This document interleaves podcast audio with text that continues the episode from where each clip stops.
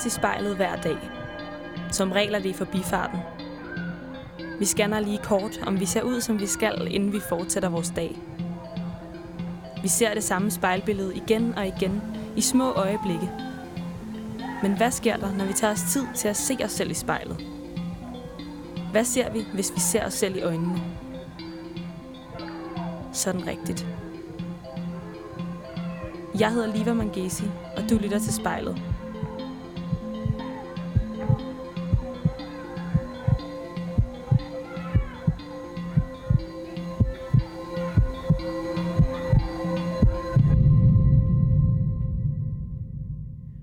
Den 14. marts i år, der bliver Vivian Anita Alexandro hentet af politiet uden for sit hjem i Aarhus. Få dage inden, der har hun delt et billede på Facebook af en brændende Mette Frederiksen dukke. Den her dukke, der forestiller statsministeren, ja, den har en lap papir tapet hen over maven. Vores fælles indsats er helt afgørende, står der. Vi må og skal bekæmpe virussen. Vi har brug for samfundssind. Og så slutter den med store bogstaver. Hun må og skal aflives. Vivian, der har delt det her billede af den brændende Mette Frederiksen dukke, hun kalder sig frihedskæmper. Og hvad det helt konkret betyder, det skal jeg finde ud af i dag i spejlet. Nå, 3, 2, 1. Nu ringer jeg til Vivian. Hallo? Hej. Hej Vivian, tak fordi jeg måtte ringe til dig. Jamen selv tak, fordi du gad. Hvor er det, du øh, sidder henne i verden lige nu? Jeg sidder inde på min stue, og øh, jeg bor ved Skjoldhøj kollegiet i Aarhus. Et dejligt sted at være. Godt så. Og vil du ikke lige prøve at øh, beskrive for mig, hvordan der sådan ser ud, der hvor du er lige nu? Der hvor du bor?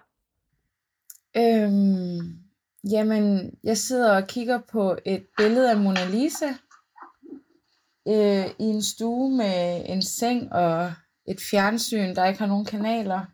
Og øh, det er lidt som et rækkehus øh, med to etager, hvor pigernes værelse er nedenunder. Og pigerne, det er dine døtre, eller hvordan er det der? Ja, det er mine to prinsesser, Mira og Marissa.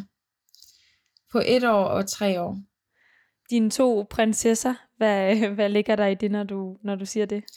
Jamen, den første prinsesse, jeg fik, øh, kom til mit liv, da jeg øh, kiggede op mod stjernerne, da min mor havde brystkræft, og sagde, at øh, please Gud, hvis du findes, så lad mig blive gravid, og lad mig bringe børn til verden, som hun kan hjælpe mig med at, med at opdrage. Og så øh, blev jeg forlovet i Paris, og den aften der, så blev jeg også øh, gravid. Så hun har været, altså min første var en prinsesse, der blev til gennem en Disney-drøm. Og min næste prinsesse, hun, øh, hun var tæt på at dø, og det var jeg også selv ved, at, øh, ved at mit gamle kejsersnit, det sprang. Øhm, og jeg forblødt 4 liter og sådan noget, øhm, som gjorde, at, at min yngste prinsesse, hun er sådan en krigerprinsesse, der er kommet til verden gennem udfordringer. Og nu faldt der lige et billede af hende ned fra, fra spejlet her. Så de er mine prinsesser. Det lyder jo meget øh, eventyrligt, som du fortæller om det. Og så, så lægger jeg mærke til, at du, du fortæller om det her med sådan at, at bede lidt til stjernerne. Hvad fylder det sådan for dig generelt? Jeg tror på astrologi, og jeg tror på Gud, og jeg tror på tal. Jeg tror på, jeg tror på magi. Jeg tror på, at ting, som vi visualiserer os og ønsker og drømmer om, at de kan blive til virkelighed, hvis vi virkelig øh, brænder for det og håber på det. Og Vivian, så kan jeg jo ikke lade være at spørge, fordi jeg ved, at du øh, næsten lige har haft sådan et, øh, et halvt ben i, øh, i fængsel. Så hvad har sådan stjernerne fyldt for dig der? Jamen, øh, jeg, jeg har været på detention før, hvor at øh, alt var jo mørkt og gråt, og jeg kunne kun høre min egen stemme. Så når jeg ikke kan se stjernerne, og jeg ikke kan se bruge mine sanser til at se skønheden omkring mig, så bruger jeg min egen stemme, og da jeg var på detention, så begyndte jeg at synge. Så begyndte jeg at synge Bob Marley og alle mulige sange, der stod mit hjerte nært om frihed og, og skønheden i livet. Så når jeg, ikke, når jeg ikke fysisk er forbundet med verden omkring mig, så prøver jeg at finde verden inde i mig, og finde al skønheden, jeg ser omkring mig inde i mig selv. Mit navn er Vivian. Jeg var med at miste min frihed i kampen for ytringsfrihed. Lige nu ser jeg mig selv i spejlet.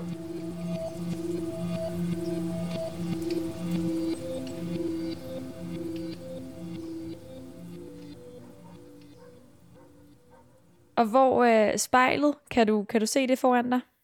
Ja, det er foran mig her. Godt. Fordi Vivian, så vil jeg faktisk gerne lige bede dig om at lukke øjnene. Okay. For vi sidder her i dag, fordi at du skal se dig selv i spejlet. Og det skal du lige om lidt. Og det kan godt være, at det på et tidspunkt bliver mærkeligt, eller akavet, eller endda svært. For det er lang tid sådan at se på sig selv. Men jeg vil gerne have, at uanset hvad, så bliver du ved med at se på dig selv og holde kontakten med dig selv inde i spejlet. Okay. Spændende. og så med lukkede øjne, så må du gerne lige tage en dyb indånding.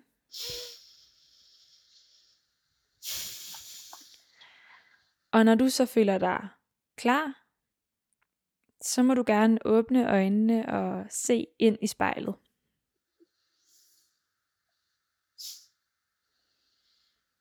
Jeg kan næsten ikke kende mig selv. Du kan næsten ikke kende dig selv. Hvad betyder det? Jeg har bare forladt mit ego. Jeg har øhm, lært inden moren, den, det ordentlige menneske, den regelrytteriske regeringstilhænger. Det er ikke... Øh, det er en ny udgave af Vivi, jeg ser på lige nu. Hvordan kan du se på dig selv, at øh, den regelrette regeringsrytter, hun har forladt dig inde i spejlet? Der er en ro over mit, mit blik. Jeg er på en eller anden måde mere afslappet og, og ser ikke så surt, rynker ikke så meget på brynene. Og, fordi hende, jeg kigger på nu, hun er fuld af kærlighed, og hun frygter ikke en virus. Hun frygter faktisk heller ikke regeringen.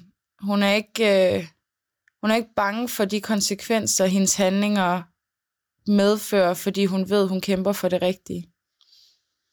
For det gode. Og Vivian, grunden til, at vi sidder her i dag foran spejlet, at du sidder der, ser på dig selv, det er jo, at du har delt det her billede af en brændende Mette Frederiksen dukke. Så hvorfor er det, du deler det her billede? Jeg prøvede at forsvare de mænd, som, øh, som, havde, som er sigtet for at have brændt dukken. Jeg synes øh, ikke, det er i orden, at man skal få dobbelt straf øh, for at have brændt en dukke, mens Rasmus Paludan han har lov til at brænde Koranen og endda få hjælp til det. Så jeg prøvede at forsvare dem og lavede en gruppe, som skulle til for at lave et borgerforslag om, at, øh, at den paragraf 113, den skulle revurderes. At man skulle overveje, om det er en retfærdig sigtelse og at give nogle mænd, som vil udtrykke sig om deres modstand. Men hvad er det, det her billede lige for dig til at føle, udover at du gerne vil forsvare nogen? Jamen, i starten var det jo egentlig bare for at vise, hvad sagen drejede sig om. Men efter jeg blev anholdt og var kommet ud på politistationen og fik taget min computer og min mobil og fik taget DNA og fingeraftryk, så indså jeg, hvor meget et billede, en stemme, en handling kan betyde på godt og ondt. Hvad tænker du, når du ser på det her billede? Jeg tænker, det, jeg kan godt forstå, at det ser voldsomt ud med flammer og med Mette Frederiksens ansigt og med skiltet, der også har skrift på sig, der kan virke faretroende. Ja, der står jo det her, vores fælles indsats er helt afgørende. Vi må og skal bekæmpe virussen. Vi har brug for samfundssind. Og så står der faktisk, hun må og skal aflives. Jeg synes faktisk, det mest uhyggelige, det er det der med, hvad der står ovenover. At vi skal styrke fællesskabet. Der synes jeg, vi skulle, vi skulle undgå adskillelse ved at styrke fællesskabet. Vi må og skal bekæmpe virusen ved at leve videre med virusen. Og sidst men ikke mindst, at vi må og skal vise samfundssind, har Mette Frederiksen jo udtrykt har været, at vi skal tilsidesætte os som borgere. Men jeg stiftede partiet samfundssind i samme tro, men det har udviklet sig til, at jeg nu mener, at samfundet skal tilrettelægges for den enkelte borgers behov. Så, og det med, at hun skal afleves også, det ser jeg som en reference til, til alle de millioner af mængder, der blev slået ihjel. Det kan godt være, at jeg er uenig i, at man overhovedet skal have øh, pelsfrakker, for jeg synes, det er synd for dyrene og burene og alt det der.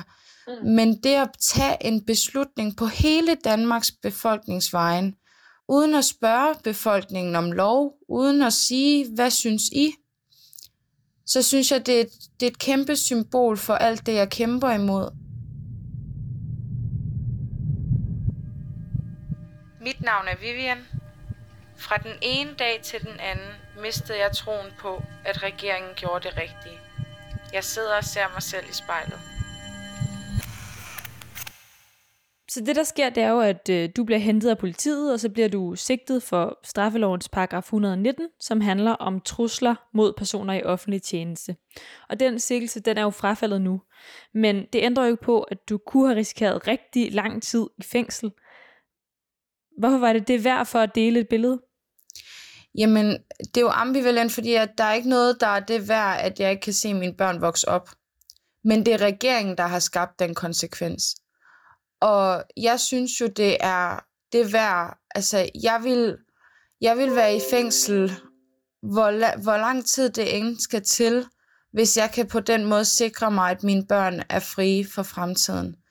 At vores ytringsfrihed og friheden generelt, den synes jeg er værd at kæmpe for. Jeg er så også, øh, jeg er jo i et mellemstadie, fordi der er mange, der støtter mig, og der er mange, der er imod mig. Men der er også dem, som jeg egentlig kæmper for, dem er der også mange, der er der også meget modstand på begge fløje. Ja, ja, hvem er det, du kæmper for? Os alle sammen.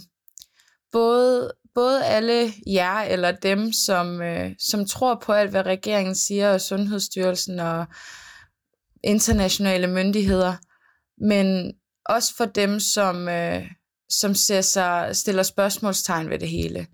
Altså selvom man mener, at regeringen gør det rigtige og faktisk hjælper sin befolkning, så ønsker jeg alligevel for menneskets egen skyld, at man skal være fri til selv at vælge.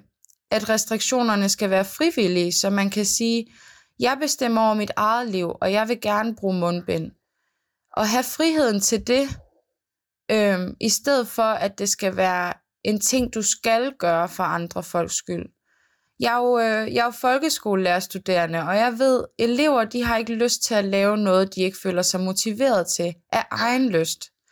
Og det har faktisk været min største inspirationskilde at, at være lærerstuderende, fordi jeg mener virkelig, børn, de, øh, de er virkelig sandheden, og alt det, vi alle sammen skal drage inspiration af. De er frygtløse, de er sig selv, og de gør ikke noget, de ikke har lyst til. Men det er bare op til os som voksne at vise dem, at øh, de sure pligter, de også kan være sjove at gøre. Ja, ja, det kunne jeg godt lige tænke mig at dykke lidt ned i det her med, at du er lærerstuderende. Altså, tænker du over, hvad det er for et forbillede, du sætter for øh, børn, kommende elever, som ser, at du deler et billede af statsministeren som dukke, der brænder? Jamen, jeg synes, jeg er forbilledet til at vise dem, at de skal kunne ture være sig selv. At de skal kunne ture ytre sig. At de skal være, øh, at de skal være kritiske. Kildekritiske. noget af det formålsparagrafen beskriver i lærerens øh, gøremål, det er, at man skal lære elever til at udvikle egen motivation og virkelyst, og være kritisk tænkende. Fordi automatiseringen af at følge alt det, der bliver sagt, og have lidt den her flok mentalitet af, at jeg gør ligesom alle de andre, det er ikke det, der gør mennesket specielt. Hvis alle de andre mener, at himlen er gul, og du som den eneste ser den være blå, så gør det det ikke mere rigtigt, fordi alle de andre synes, det er rigtigt. Godt, Vivian. Lad os lige øh, blive lidt i den her klasseværelse-analogi, fordi du er skolelærer, og øh, det er naturligt for dig at, at se øh, verden lidt som et klasseværelse, kan man høre. Så jeg kunne godt tænke mig lige at forstå, hvem du, Vivian, er i et klasseværelse. Hvis du sad på bænken, hvem er du så? Jeg har altid været klassens klovn. Og jeg har også altid været den tykke pige i klassen. Øhm, jeg elskede musik. Jeg elskede Britney Spears og Spice Girls og øh, MTV. og øh, jeg har også en ghetto blaster tatoveret på min ankel, fordi jeg savner kassettebånd og CD'er og postkort og klistermærker. Alt det analog, som man kan mærke mellem sine fingre og jeg savner 90'erne, hvor, som jeg er vokset op i. Det gør jeg virkelig. Prøv lige at forklare lidt mere om, hvad det betyder, at du er den tykke pige i klassen. Du fortæller det. Det betyder så meget for mig, at jeg også har fået piger i den sammenhæng, fordi at øh, jeg synes, vi har et alt for stort fokus på kropsidealer. Øh, idealer generelt, være den rigtige borger, være den rigtige størrelse, have den rigtige have, have den rigtige make-up på. Jeg elsker selv at bruge make-up, men i min frihedstid har jeg brugt det mindre og mindre, og jeg har droppet at bruge BH, og du ved bare det der med at være sig selv i sit naturlige væsen. Mm. Øhm, det er jeg blevet meget mere tryg ved. At være den tykke pige i klassen, der fik jeg altid at vide, at jeg var forkert med min størrelse og sådan noget. Men nu finder jeg ud af, at vi alle sammen er perfekte, ligesom vi er.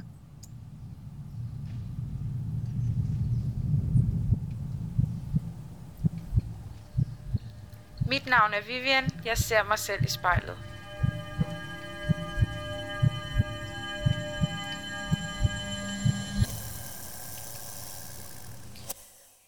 Vivian, jeg ved, at du definerer dig selv som en frihedskæmper.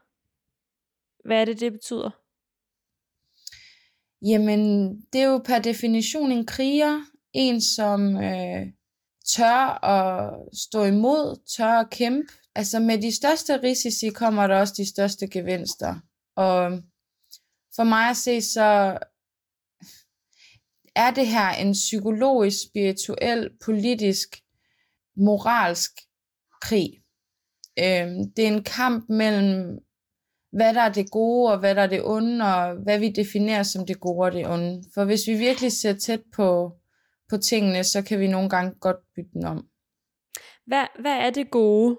Og hvad er det onde, som du ser det lige nu? Jamen, jeg, også, jeg studerer jo øh, kristendomskundskab, og øh, jeg bliver meget inspireret af, af Bibelen eksempelvis, øhm, men i virkeligheden er alle forskellige religioner, at det gode, det er, når man gør det retfærdigt, gør det sandfærdigt, at man har en balancegang gennem de forhåbninger, man har for sit liv og for andres liv, og så kan være i harmoni med, hvad man så gør i den fysiske verden gennem ens handlinger. Ligesom eksempelvis genåbningsfesten. Øh, det var jo arrangeret til at være den største fest med masser af deltagere, masser af sang, glæde og kærlighed, men øh, blev aflyst på grund af vejret. Og der tænkte jeg ind i mig selv, alle andre, mange andre frihedskæmper, øh, dem der var i nærheden af mig, de, øh, de tog hjem, og man var sådan modløs, for nu havde man også betalt billet, men der kørte ikke nogen, nogen øh, bus mere og sådan noget. Så tænkte jeg, nej, jeg tager dig hen alligevel, for jeg behøver ikke at følge en flok, så længe jeg følger mit hjerte. Og mit hjerte vil holde den her genåbningsfest, fordi jeg tror på inde i mig selv, at det er det, Danmark og hele verden har brug for. Og jeg vil gøre alt for at bringe det til virkelighed. Og selvom vi ikke var så mange, som det var forventet.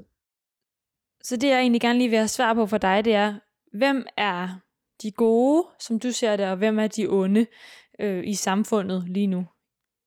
Jamen, det er jo svært at definere, fordi jeg synes jo, alle er gode. Jeg, jeg elsker alle mennesker, øh, uanset deres standpunkt, og om så de synes dårligt om mig, så vil jeg stadigvæk 100% kunne finde noget positivt at sige om dem. Men øh, jeg synes, det onde, det er fjendskaben der, og egoismen. Altså, jeg synes, det er et større fokus på egoet at sige, jeg gør det rigtige, jeg bruger mundbind, jeg spritter hænder, og du skal også gøre det samme. Jeg synes ikke, vi er kommet til den her verden for at kontrollere hinanden. Også som lærer, så, øh, så ved jeg, at det forventes af mig, at jeg skal stille nogle faste rammer og regler for klassens rum, at sådan her skal vi gøre, fordi sådan er vi relationelt harmoniske og har et fælles standpunkt af, hvordan man skal være. Men der, hvor filmen knækker for mig, det er, at når det bliver påkrævet, og når det er et krav, når det er en betingelse for at være til, ligesom for eksempel testning kan være en betingelse for at kunne have lov at uddanne sig eller tage på arbejde, så synes jeg, at jo mere vi prøver at kontrollere, jo mere skubber vi os selv og hinanden væk fra, fra hinanden. Så Vivian, hvis jeg siger til dig, øhm, jeg er rigtig bange for at blive syg, jeg er rigtig bange for at få corona, jeg er også rigtig bange for at komme til at give det til nogen, jeg holder af, som måske ikke kan klare at få det. Vil du ikke være sød og tage et mundbind på, når du sidder lige her i bussen ved siden af mig? Er jeg så rendyrket ondskab? Nej, men jeg synes frygten er det jeg vil respektere enhver, altså hvis man virkelig er bange og altså, har en meget stor ubehag ved det, så skal jeg nok vise respekt og tage det på. Men jeg vil være i dialog med personen og spørge, hvad er det, du frygter ved covid-19? Kan du, kan du forestille dig, at i stedet for at frygte, at du kan forberede dig og være klar på at få det? Fordi livet er, altså, død og smerte og lidelse er uundgåeligt i livet. Vi kan ikke blive ved med at, at... Altså, vi kan håbe på det bedste, men vi kan jo ikke kontrollere livet til at være i en boble, hvor intet vil ramme os. Så jeg ser større styrke i at forberede sig, end at, at frygte at få det.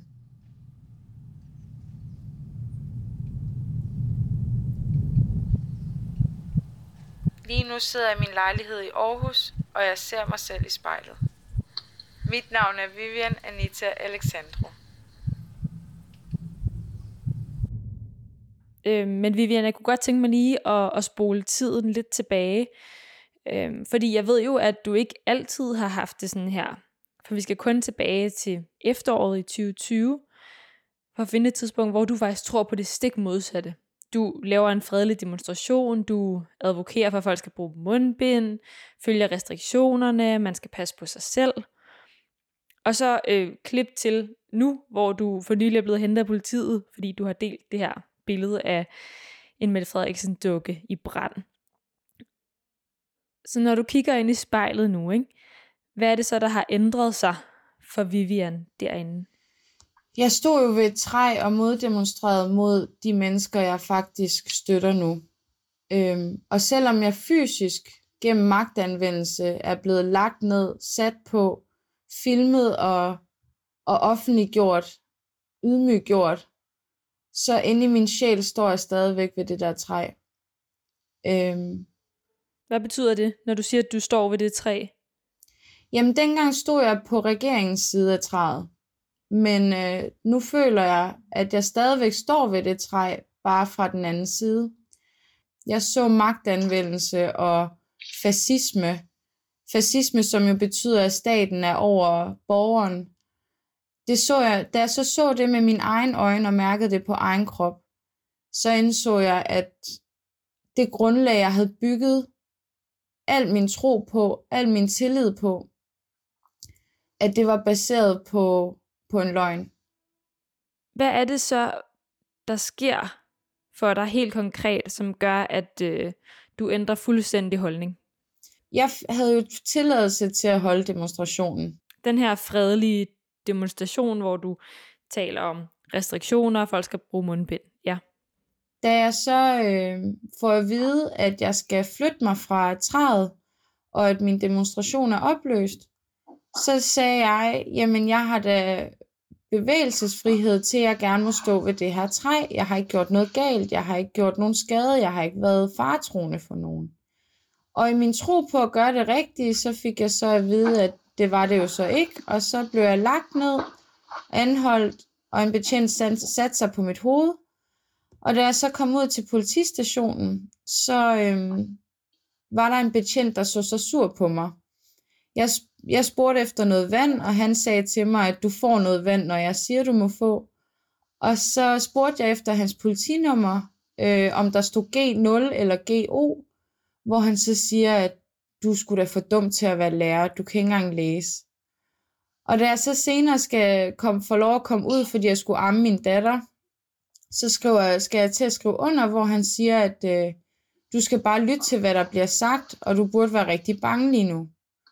Og så stiller jeg mig foran ham og siger, jeg frygter intet her i livet, heller ikke dig. Og så øh, slår han mig over ansigtet og skubber mig op mod væggen, væggen med kvælertag, hvor en fra en celle ved siden af kunne høre mit hoved slå, øh, slå op mod væggen. Jeg fandt også ud af senere, at jeg havde fået en hjernerystelse.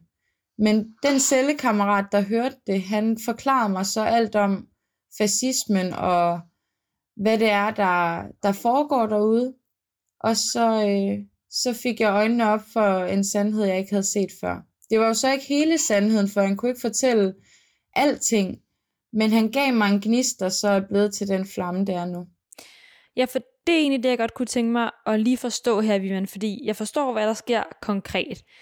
Men, men hvad er det for en øh, følelse, der kommer op i dig, da din demonstration, som egentlig er fredelig, og du vil gerne følge restriktionerne, og du vil gerne gøre det rigtige, øh, som du ser det på det her tidspunkt.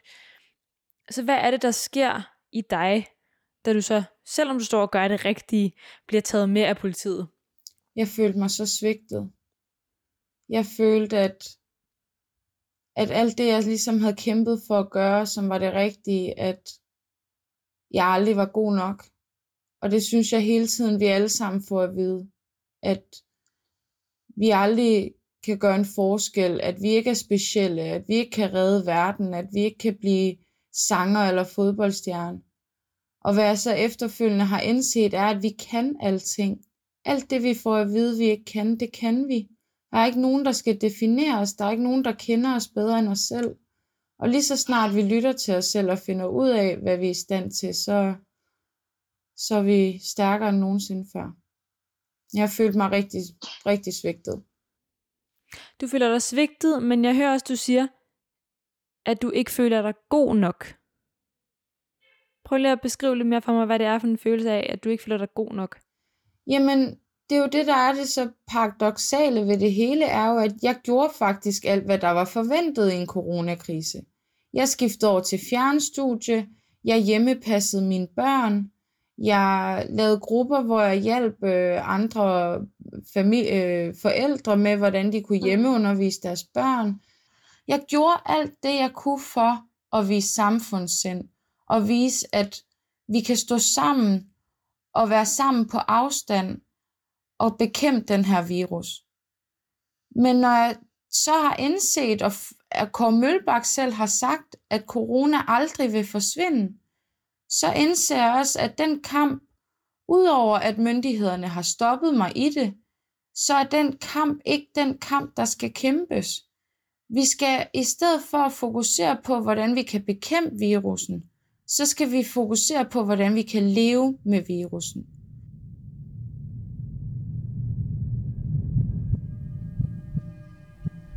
Jeg hedder Vivian. Jeg har delt et billede med en brændende Mette Frederiksen dukke. Jeg ser mig selv i spejlet. Hvad er det inde i dig, Vivian, der sker, der, der ændrer sig helt konkret efter den dag til demonstrationen? Altså, jeg vågner op. Jeg føler mig... Jeg føler, at jeg ser virkeligheden. Og da jeg så kommer ud blandt mennesker, som hele tiden har fået at vide, at deres syn på verden var det forkerte, så indså jeg, at alt det, vi har set være det forkerte og være det unormale, faktisk er det, der er det mest normale af alt.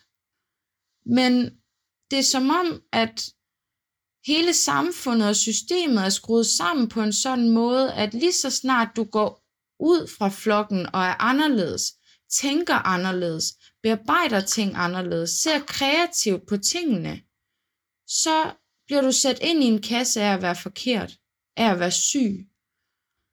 Og, men jeg har indset, at så længe jeg er fri i min sjæl og i mit sind og i mine tanker, så vil, så vil ingen nogensinde kunne bure mig ind. Mit navn er Vivian. Jeg ser mig selv i spejlet. Her til allersidst, mens du ser dig selv i spejlet, Vivian, så kunne jeg godt lige tænke mig at høre,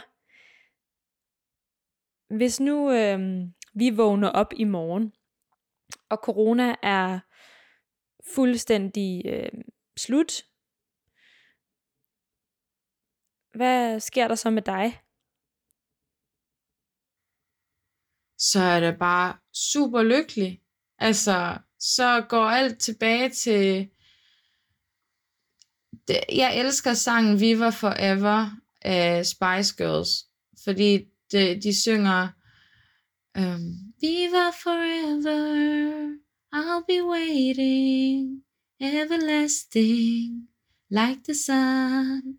Og på den måde vil jeg vente for altid på de dage, jeg husker i min barndom, hvor vi var frie til at lege, og vi turde have døren åben ved vores hoveddør, at vi bare var sådan trygge ved at kunne kramme hinanden og kysse hinanden og feste med hinanden. Øhm, så jeg vil jo kun være lykkelig, og jeg vil, vil bare være stolt af min kamp, at jeg har kæmpet for det resultat. Men realiteten slår vel enhver, at smittetallene jo ikke bare lige kan forsvinde. Med alle mutationerne, med, med alle de øh, smittebomber, der bliver sagt, der er over det hele, så tror jeg, vi er nødt til at affinde os med, at corona er her for at blive. Og jo mere vi kæmper imod, jo stærkere gør vi de negative ting og konsekvenser, der kan komme af det. Vivian, hvordan har det været at se dig selv i spejlet i dag? Jamen, øh, det har været... Øh, ja, man er jo altid bange for at udstille sig selv, hvis, øh, hvis der kan komme konsekvenser af det.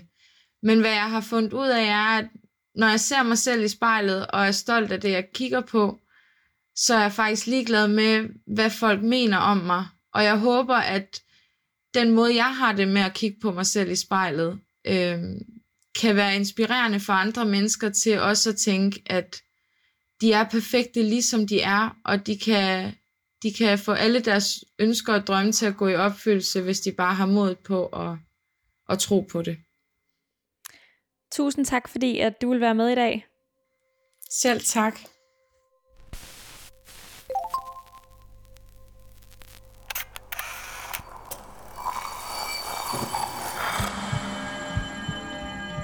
Du har lyttet til spejlet. Produceret af Kontrafej, klippet af Maria Dønvang og tilrettelagt af mig, Liva Mangesi. Hvis du har noget på hjerte, eller hvis du har en idé til, hvem der skal foran spejlet, så skriv til os på Instagram.